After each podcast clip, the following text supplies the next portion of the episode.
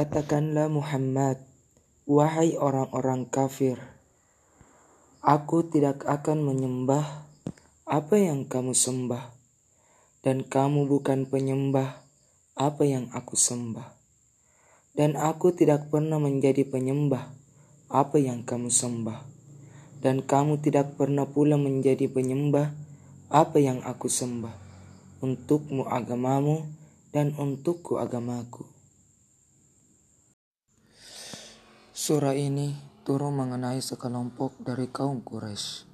Mereka berkata, "Wahai Muhammad, kemarilah ikutilah agama kami, maka kami akan mengikuti agamamu. Kamu sembah sembahan berhala kami setahun, lalu setahun berikutnya kami menyembah Tuhanmu. Jika apa yang engkau bawa agama Islam itu ternyata lebih baik dari apa yang ada di tangan kami agama kami, maka kami telah bersyarikat di dalamnya dan memperoleh bagian dirinya. Dan jika agama kami lebih baik dari agamamu, kami, kamu pun bersyarikat di dalamnya bersama kami dan juga memperoleh bagian darinya.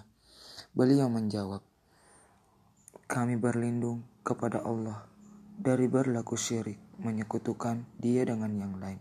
Lalu Allah menurunkan surah Al-Kafirun tersebut. Keesokan harinya, beliau ke Masjidil Haram. Sementara di dalam masjid terdapat segolongan orang-orang Quraisy, maka beliau membacakan surah Al-Kafirun itu kepada mereka, maka mereka menjadi putus asa dari apa yang mereka inginkan tersebut.